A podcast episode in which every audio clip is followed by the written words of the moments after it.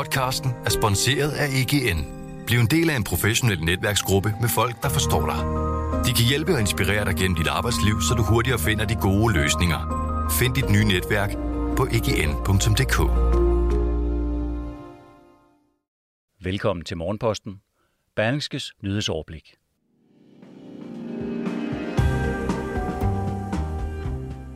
Mor til en fireårig måtte vente mere end en halv time på en ambulance, da hun ringede 112. Coronaen har kostet turismen milliarder, det ved vi, og nu ved vi også cirka hvor mange. Og så kan forbuden spiritus koste et statsborgerskab, også selvom det er 37 år siden det er blevet indtaget.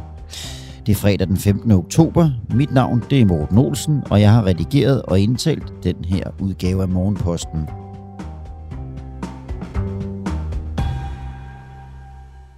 Verdens teknologigiganter er ved at sætte sig på de globale betalinger og kan på den måde være med til at udkonkurrere bankerne.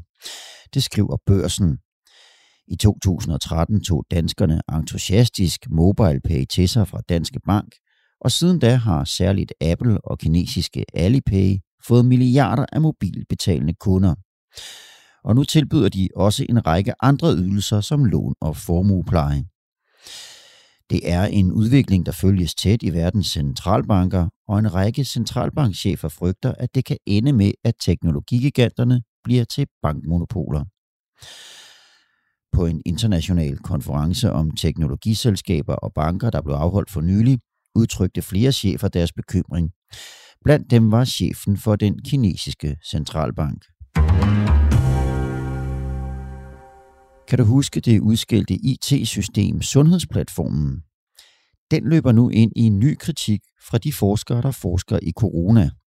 For her, 20 måneder inden i pandemien, kan landets førende forskere stadig ikke få datasæt om grupper af covid-19-patienter ud af Sundhedsplatformen. Jeg ved ikke helt, om jeg tør sige det, men Sundhedsplatformen er helt håbløs, især når det handler om adgang til data. Sådan siger Nina Weiss, der er professor og overlæge på Hvidovre Hospitals infektionsmedicinske afdeling. Hun fortæller, at hendes team i forbindelse med et igangværende studie må slå hver enkelt patient op i systemet og manuelt indtaste oplysningerne.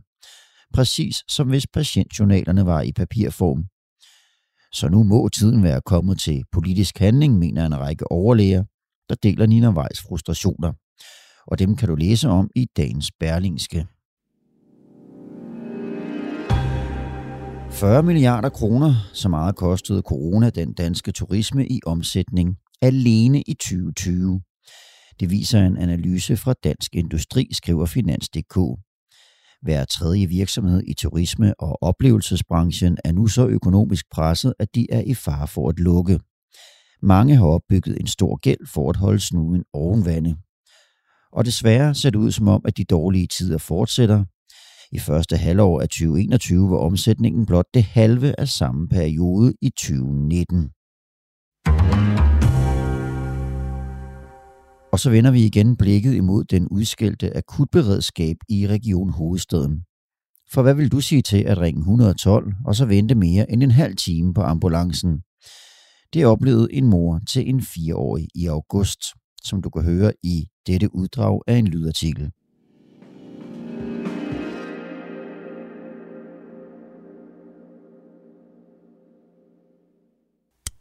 Det første Iben tænder lyset på sin fireårige søns værelse, at hun for alvor bliver nervøs.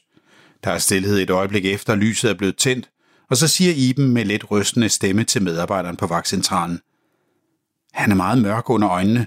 Det plejer han ikke at være. Medarbejderen på regionens vagtcentral siger, at der vil blive sendt en ambulance, og første ledige bil kommer med det samme. Klokken er 22.35 mandag den 30. august 2021. Uheldet er sket klokken 9 om formiddagen i sønnens børnehave. Ibens fireårige søn er faldet på cykel på vej ned ad en bakke. Hovedet har ramt asfalten først. Han har ikke noget at tage fra med hænderne. Han har fået en bule i panden på cirka 4 gange 4 cm. Det er sket før, at sønnen har fået knups og haft hjernerystelse, så Iben er egentlig ikke så bekymret. Han får en ekstra eftermiddagslur. Om aftenen taler han dog ikke så tydeligt, som han plejer. Bulen er usædvanligt stor, og hun beslutter sig for at vække ham hver anden time natten igennem, for at sikre sig, at han ikke er blevet dårlig. Men hun kan ikke vække ham, da hun forsøger første gang lidt over kl. 22. Iben forsøger i mere end 10 minutter med æblejuice og yndlingsbog. Han er normalvis en nysgerrig dreng, der hellere vil drikke æblejuice end sove. Hun kravler op i sengen til ham og tager ham op i sine arme, men han mumler bare lidt og taber hovedet bagover som en stofdukke. Hun ringer derfor 1813, men bliver mødt af over 20 minutters ventetid. Hun har ikke noget ønske om unødig drama og blå blink, men Iben er ud af en lægefamilie. Hun ved, at der ved hovedtraumer er en lille risiko for hjerneblødning, hvis den til skadekommende efterfølgende er svær at få kontakt til. Hun kan stadig ikke vække sin søn, så hun ringer 112. På lydoptagelsen fra 112-opkaldet kan man høre, at medarbejderen på vagtcentralen lytter til Ibens beskrivelse og spørger. Han har pæne farver, han er ikke bleg at se på eller noget, vel? Det ved jeg faktisk ikke, siger Iben. Tænder lyset og svarer efter nogle sekunders stillhed. Han er meget mørk under øjnene, det plejer han ikke at være. Hvad var det, han havde slået hovedet mod? Han er faldet på asfalt, svarer Iben. Medarbejderen fra vagtcentralen konkluderer. Nu gør jeg det, at jeg sender en ambulance. Den kommer akut, men ikke med udrykning. Og første ledige bil kommer med det samme. Medarbejderen uddyber. Det kan godt være, at det bare er en lettere hjernerystelse, men jeg synes, at vi bliver nødt til at reagere på det, du fortæller mig, og på den historik, han har. Er du okay med det? Til slut gentager medarbejderen. Den første ledige bil kommer ud til jer, ikke med udrykning, men som en akut ambulance. Iben er lettet over, at der er hjælp på vej. Men der var bare ikke nogen hjælp på vej, og da Iben ringede til vagtcentralen en halv time efter, var ambulancen stadig ikke på vej. Det ender med, at hun selv kører sin søn på hospitalet, hvor han får konstateret en hjernerystelse. Du kan lytte til artiklen i sin fulde længde på berlingske.dk eller læse den i dagens avis. Og nu skal vi til en sag, som enhedslistens indretsordfører Peter Velblund kalder pløk hamrende, galopperende absurd. Det er politikken, der i dag kan fortælle om den 55-årige Wasim, der i september fik afslag på statsborgerskab i Danmark. Årsagen er, at han for 37 år siden deltog i en fest og drak med af noget spiritus, som nogle bofælder havde stjålet.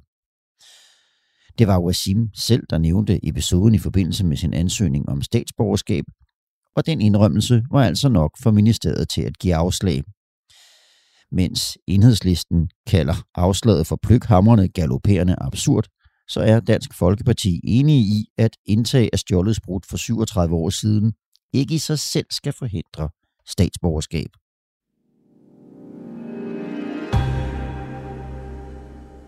En sending ternede ninjabamser havde fået plads på en container, så Bo og ID kunne opfylde en masse danske børns juleønsker. Men pludselig var pladsen på containeren taget af en konkurrent, der overbød Bo og ID, og derfor måtte boghandlen hyre et fly til de ternede bamser. Det er blot et eksempel på den hårde kamp, der lige nu foregår for at få fyldt hylderne op til jul. For pludselig er der alt for få containerskibe til at fragte de varer, som primært bliver produceret i Asien, til forbrugerne i Europa og USA. Værst ser det dog ud for USA. Ud for store amerikanske havne i Los Angeles og Savannah ligger hundredvis af containerskibe og venter på at komme i havn. De amerikanske forbrugere har derfor grund til at være langt mere bekymrede for julehandlen end danskerne. Og vi slutter som altid med lidt om det, du skal holde øje med i dag. Den 37-årige mand, der er sigtet for at have dræbt fem og såret tre personer i den norske by Kongsberg onsdag aften, han bliver fremstillet i grundlovsforhør. Så byder dagen også på et par fødselar. Det er Arbejderbevægelsen, der har 150 års jubilæum, og så fylder prins Christian 16 år. Og bor du i København eller omegn, så husk, at der er kulturnat i aften – hvor mere end 200 museer, teatre, virksomheder, institutioner og meget mere åbner for offentligheden. Det var, hvad jeg havde valgt at tage med til dig i dag. Tak fordi du lyttede med til Berlingskes Morgenposten. Husk, at der er pilestræd i eftermiddag, og at jeg er tilbage med en ny morgenpost i morgen tidlig. Ha' en rigtig god weekend.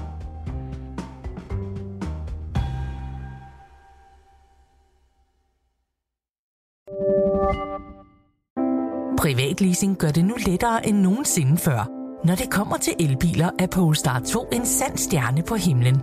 Med privatleasing af Polestar 2 får du ikke kun glæden af at køre en topmoderne elbil, men også fordelene ved lave driftsomkostninger lige fra dag 1. Du slipper for bekymringer om vedligeholdelse og service, for alt er inkluderet i den faste månedlige pris. Oplev friheden ved privatleasing af en Polestar 2. Besøg polestar.com.